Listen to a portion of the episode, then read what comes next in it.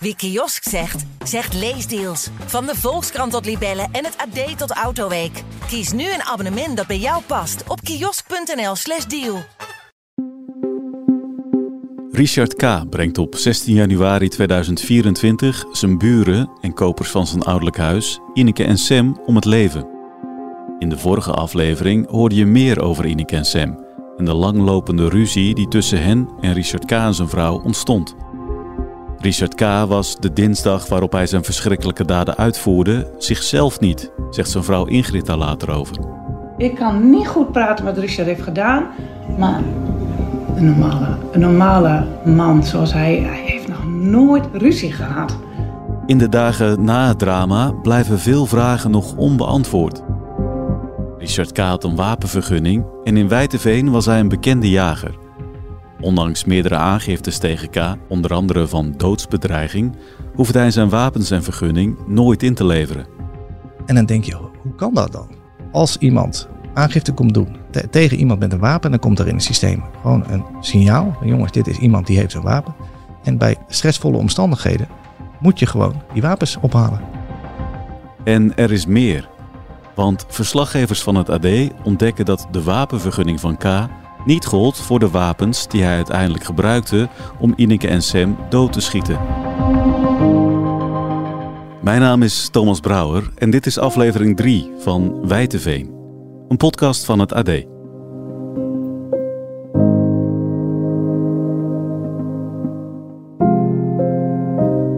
Het is 31 januari, 15 dagen na de moord op Ineke en Sam.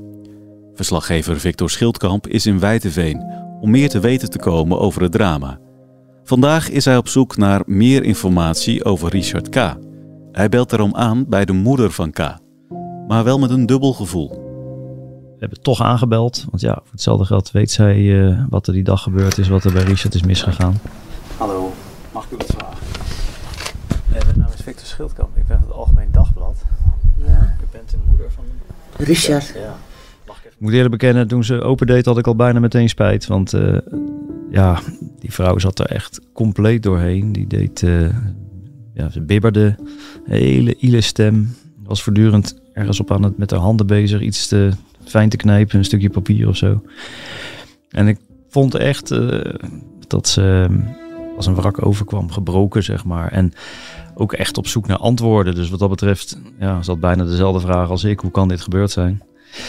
Ze begreep het niet. Ze stamelde nog dat Richard een hele aardige, normale man is eigenlijk. En dat hij wel zijn verstand moet hebben verloren ergens eh, in die uren daarvoor. De moeder van Richard K. had dit dus met geen mogelijkheid verwacht van haar zoon. Nee, eh, voor haar was het ook echt. En dat, dat, daar hoef je niet eens voor aan dat te vragen. Dat zag je gewoon aan haar gezicht als een totale donderslag bij heldere hemel gekomen. En ze was ook echt, echt, eh, echt gebroken, ja. Kijk, de- iedereen die hier natuurlijk bij betrokken is, die eh, op de een of andere manier, omdat ze die mensen dus kennen, die, eh, die zitten in een drama. Zo'n moeder die natuurlijk de zoon eigenlijk kwijtraakt, want eh, eh, ja, die komt niet meer vrij op wat voor manier dan ook. En natuurlijk, dat is een moordenaar die inderdaad echt op een afgrijzelijke manier heeft toegeslagen. Maar er is ook altijd nog een moeder die de zoon kwijtraakt. En die het ook totaal niet begrijpt. En het ook nooit zal begrijpen waarschijnlijk dat dit is gebeurd. Ze had wel met Richard nog even gesproken aan de telefoon. Hij heeft haar gebeld en eh, gezegd, eh, eigenlijk alleen maar gezegd... eh, pas goed op jezelf, zorg goed voor jezelf. Dat, is dan, dat is dan eigenlijk bijna ontroerend natuurlijk. Richard K. is een man die nog geen vlieg kwaad doet, vertelt zijn vrouw Ingrid aan verslaggever Raymond Boeren. Wij eh, hebben en hadden een heel leuk leven met onze kindertjes. En eh, mijn man heeft niet op een ochtend bedacht van... Goh, laat ik daar eens heen gaan en die bij de mensen eh, om het leven brengen. Iedereen die hem kent, die weet het is een, eh, een, super joviale man. Die zou jou je, laatste tientje geven als jij aan de weg staat. Ja, het is onwerkelijk. Wat er gebeurd is, ik ik vind het vreselijk, maar we kunnen het niet meer terugdraaien. En hij zal ook zijn straf krijgen, dat heeft hij verdiend. Maar het, op dat moment was hij niet zichzelf.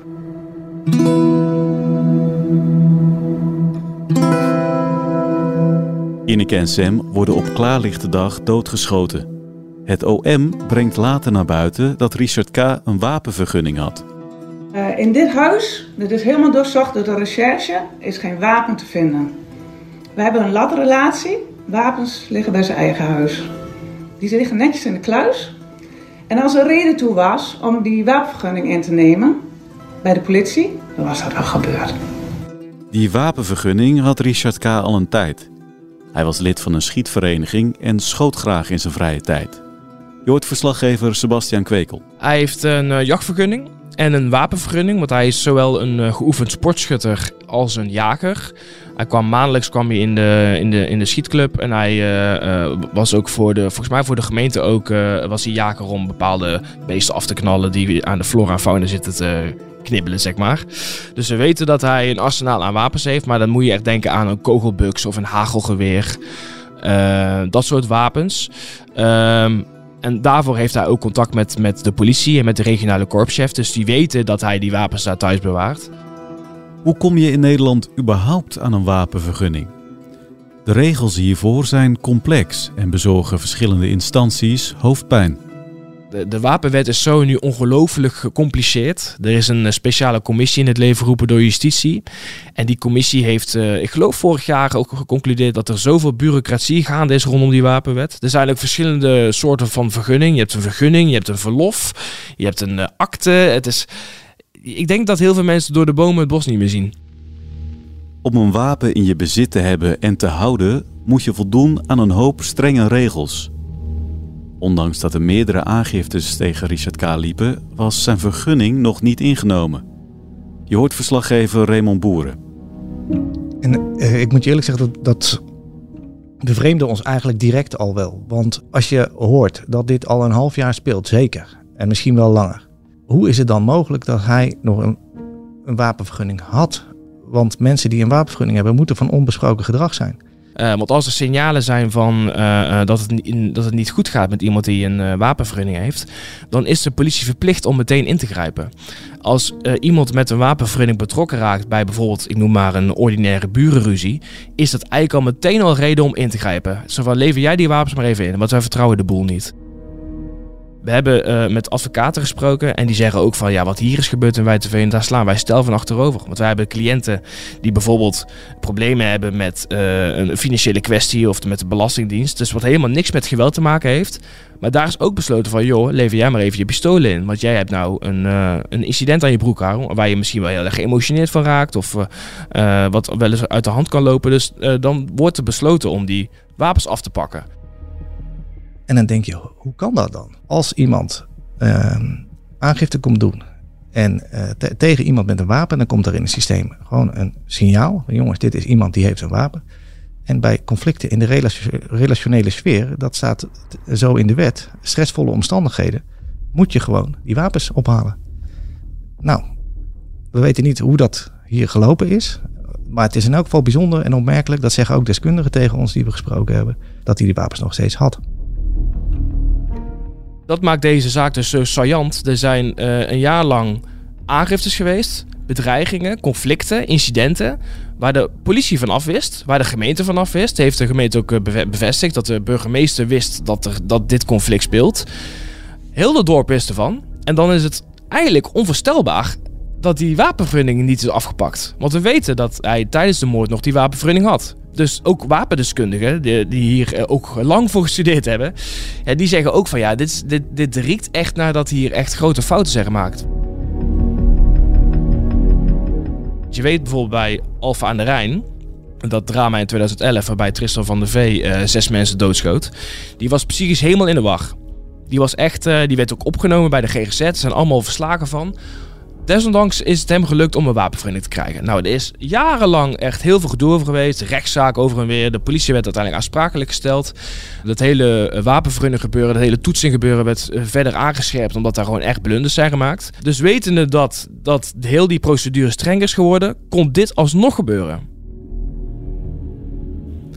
En ja, daar zit eigenlijk de crux, denk ik. En ik denk dat de politie ook wel een probleem heeft. Had de dood van Ineke en Sam voorkomen kunnen worden door strengere controle op de wapens en wapenvergunning van Richard K? Misschien zorgt het stellen van dit soort vragen achteraf voor een bittere nasmaak.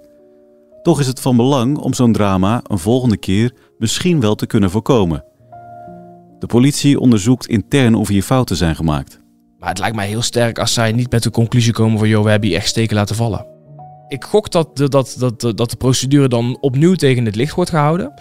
Ik, eh, ik hoor ook al inmiddels geluiden dat de politie stiekem een beetje klaar is met uh, de toezicht en, uh, en het verlenen van wapenvergunning. Dat die verantwoordelijkheid bij hen ligt, dat vinden ze eigenlijk ook best wel gek. Want zij hebben sowieso al last van capaciteitsproblemen. Daardoor hebben zij een stuk minder tijd over om ook nog die handhavende functies te behouden. Dus zij zeggen eigenlijk van.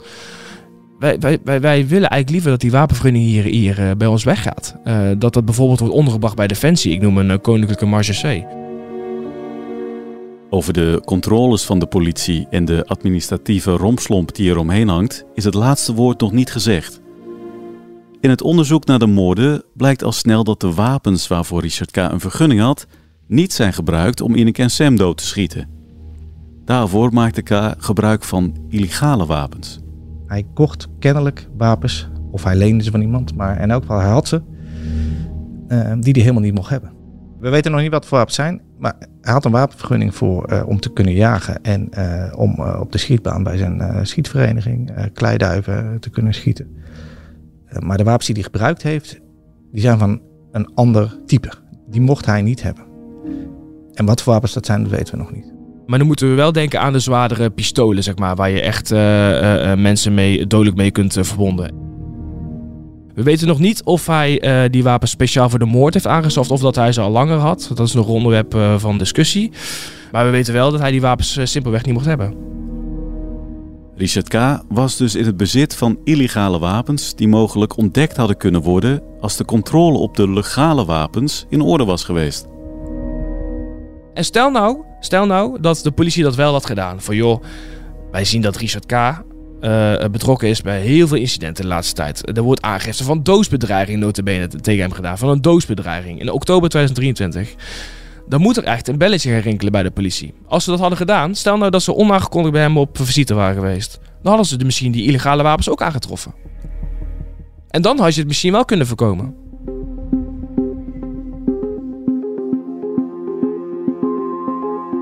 Er zijn nog veel vragen onbeantwoord. Welke wapens gebruikte Richard K. op die bewuste dinsdag en hoe kwam hij aan dat zwaar geschut? En misschien wel het belangrijkste, hoe kan een drama zoals dit een volgende keer voorkomen worden? In de volgende aflevering blikken we vooruit op de voorbereidende rechtszaak in april. De beelden van de beveiligingscamera's van Ineke en Sam zouden wel eens een cruciale rol kunnen spelen. Maar wat we weten is dat Sam zwaar gewond, strompelend naar buiten is gegaan. En daar ter plekke is gestorven, waarschijnlijk daar in de buurt van de oprit. En dat is dus ook vastgelegd door die camera's. Dus dat moeten echt verschrikkelijke beelden zijn uh, geweest.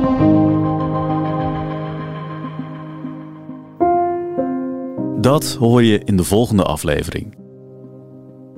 Wijteveen is een podcast van het AD en wordt gemaakt door Sebastian Kwekel, Victor Schildkamp, Raymond Boeren, David Lambert en door mij. Thomas Brouwer. Meer over het drama in Wijteveen vind je via ad.nl slash Wijteveen. Wil je de volgende aflevering niet missen? Abonneer je dan. Dat kan via Spotify of Apple Podcast.